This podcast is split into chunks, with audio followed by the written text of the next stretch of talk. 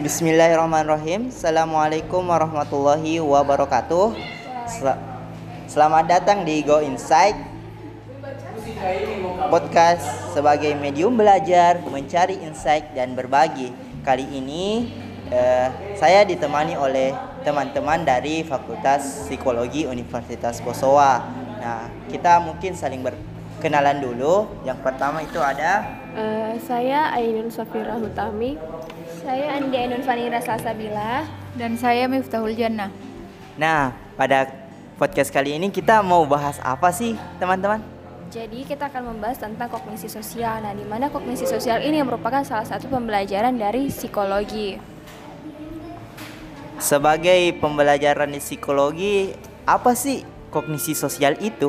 Eh, jadi kognisi sosial ini bagaimana cara kita menilai pengalaman, pengalaman itu kemudian dijadikan pembelajaran. Nah, eh, pembelajaran itu kemudian kita jadikan sebagai eh, contoh ataupun kita mengambil kesimpulan dari pengalaman yang kita dapatkan itu. Nah, bagaimana sih proses pengambilan atau pembentukan dari pengalaman itu eh, dalam individu dan konteksnya dalam membuat kognisi sosial ini bekerja? Eh, mungkin misalnya dari pengalaman-pengalaman di, di lingkungan sekitar atau pengalaman-pengalaman pribadi, pengalaman orang lain atau berdasarkan eh, apa hubungan relasi dengan orang lain mungkin seperti itu. Iya.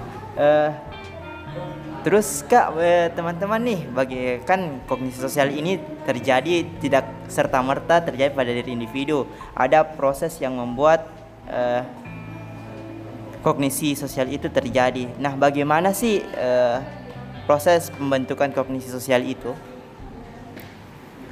Jadi dalam pembentukan kognisi sosial itu eh, ada sebuah proses yang berlangsung secara berurut. Nah, dari proses ini akan terbentuk kognisi sosial di mana seorang individu itu akan menganalisa hingga memahami hal-hal di sekelilingnya. Nah, proses-proses tersebut itu seperti eh, attention atau perhatian. Nah, dalam proses ini seorang individu itu akan mulai melihat kejadian-kejadian atau gejala sosial di sekitarnya. Terus yang kedua itu eh, encoding atau pengkodean. Nah, pengkodean ini proses penyimpanan informasi ke dalam otak. Informasi yang tersimpan ini merupakan fokus dari perhatian di proses sebelumnya dan memungkinkan untuk tersimpan di dalam otak dalam jangka yang panjang. Nah, yang ketiga itu ada retrieval atau mengingat kembali. Setelah kita mengalami proses tersebut, kita akan melibatkan tahapan retrieval yaitu mengingat kembali ingatan yang pernah tersimpan. Di dalam proses ini terjadi pemilihan informasi tentang apa yang paling siap untuk diingat dan informasi itu akan diselesaikan dengan hal-hal lain yang dialami. Nah, dalam eh, mem- memanggil kembali informasi itu dan mengkodenya, terkadang kita sering hilaf. Maksudnya eh, kita sering salah dan lupa dalam memanggil kembali informasi. Nah, bagaimana sih sumber-sumber kesalahan dari kognisi sosial itu? Jadi eh, dari proses tersebut kan biasa terjadi bias. Nah, ada yang bias negatif. Bias negatif itu sebuah kecenderungan untuk seseorang lebih memperhatikan hal-hal informasi yang sifatnya ne- negatif. Maka maka dalam hal ini informasi negatif itu memiliki pengaruh yang lebih kuat dibandingkan informasi yang lebih positif. Contohnya itu misalnya ketika kita diberi informasi bahwa kita itu akan bertemu orang yang kayak dia pintar, dia proporsional, namun dia pernah berurusan dengan polisi terkait dengan tindak penipuan. Nah, maka kita itu akan melupakan bahwa dia itu orang yang bertanggung jawab dan kita akan mengingat bahwa dia itu orang yang tidak baik, dia orang yang telah menipu. Seperti itu. Terus ada bias optimistik. Bias optimistik itu merupakan suatu predisposisi yang membuat seseorang individu yang selalu berharap apa pun yang terjadi itu akan berakhir baik-baik saja sesuai dengan harapannya. Dalam hal ini, seseorang itu berpikir bahwa dirinya itu akan lebih berpeluang mendapatkan keuntungan dan keberhasilan dibandingkan dengan kegagalan seperti orang lain. Sebagai contohnya, kayak kan kayak pemerintah sekarang itu ketika dia menjabat pasti dia akan membuat program dengan target yang sangat tinggi dan dia kayak eh, apa ya kayak dia yakin bahwa dia akan menyelesaikan pro- proyeknya tersebut namun target tersebut tidak diimbangi dengan perencanaan yang matang sehingga ketika orang-orang mulai melihat bahwa hal-hal tidak berakhir dengan sesuai harapan, mereka akan justru bersiap menghadapi hal yang buruk dan menunjukkan pola pesimistik. Seperti itu. Terus uh, mungkin akan ditambahkan oleh saudari Ainun. Uh, jadi mungkin sumber-sumber yang berpotensi menimbulkan kesalahan dalam kognisi sosial itu uh, termasuk juga berpikiran negatif. Terkadang terlalu banyak berpikir sehingga kita uh, apa kesulitan berpikir secara kognitif. Uh, kemudian selanjutnya mungkin ada menekan pikiran. Jadi menekan pikirannya itu uh, usaha untuk mencegah pikiran-pikiran tertentu memasuki alam kesadaran. Uh, misalnya uh, dalam proses ini melibatkan dalam uh, proses ini melibatkan dua komponen. Nah, komponen seperti apa sih itu yang dilibatkan? Uh, proses pemantauan yang otomatis yang mencari tanda-tanda adanya pemikiran yang tidak diinginkan yang memaksa untuk muncul ke dalam kesadaran. Ketika pikiran tersebut terdeteksi, proses kedua terjadi yaitu mencegah agar pikiran tersebut tetap berada di luar kesadaran tanpa mengganggu pikiran yang lain.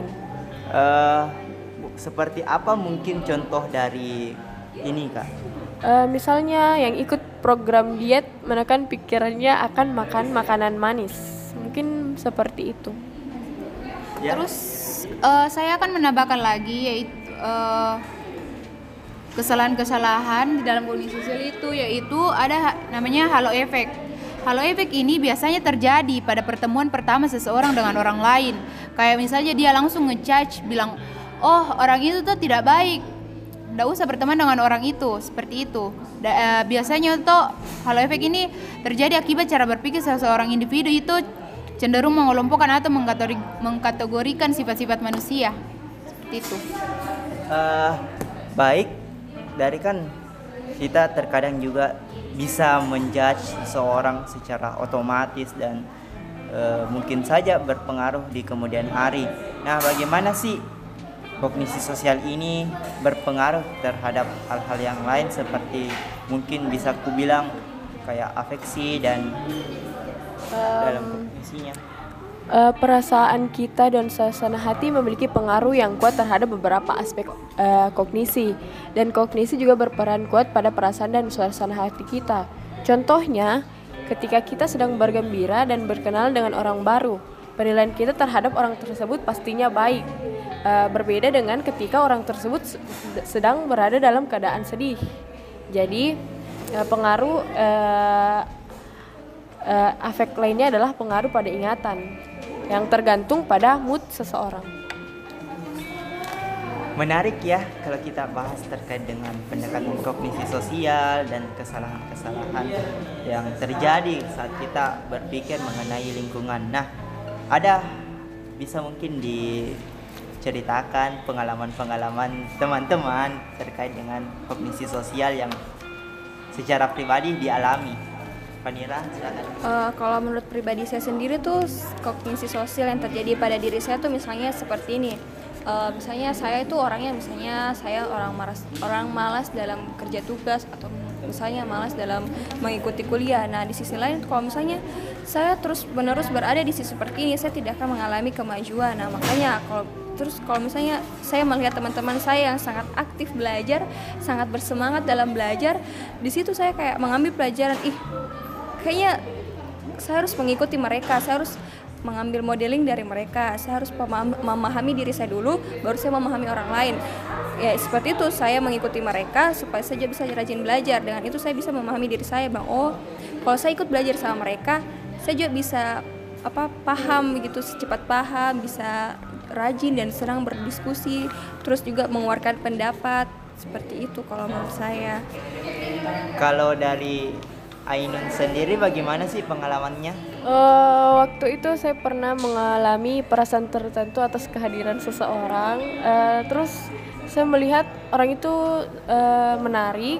Uh, saya dapat menyimpulkan bahwa mungkin saya sedang jatuh cinta. Iya. Uh, yeah. uh, mungkin dari pengalaman saya seperti itu. Jadi dari pandangan pertama ya langsung uh, ter, uh, terkonek langsung turun ke hati. Nah kalau dari Vanira? Uh, kalau saya boleh bertanya nggak sama Ainun? Kan ini namanya kognisi sosial. Kira-kira ada tidak proses modeling atau yang kamu ikuti sifatnya dari orang yang kamu jatuh cinta itu? Uh, mungkin karena apa? Uh, uh, mungkin karena sifatnya yang apa yang sabar yang pengertian mungkin gentleman gitu. Jadi saya dapat menyimpulkan bahwa saya suka sama orang tersebut. Iya. Uh, kalau dari Mita sendiri bagaimana sih pengalamannya terkait dengan kognisi sosial ini dalam kehidupan sehari-hari? Jadi kalau saya itu kayak kan saya uh, tinggal bersama kakak saya. Nah dia kan suka bermake up dan saya melihatnya itu dia cantik ketika dia bermake up. Jadi saya juga suka mengikuti dia uh, menggunakan make belajar menggunakan make up seperti itu.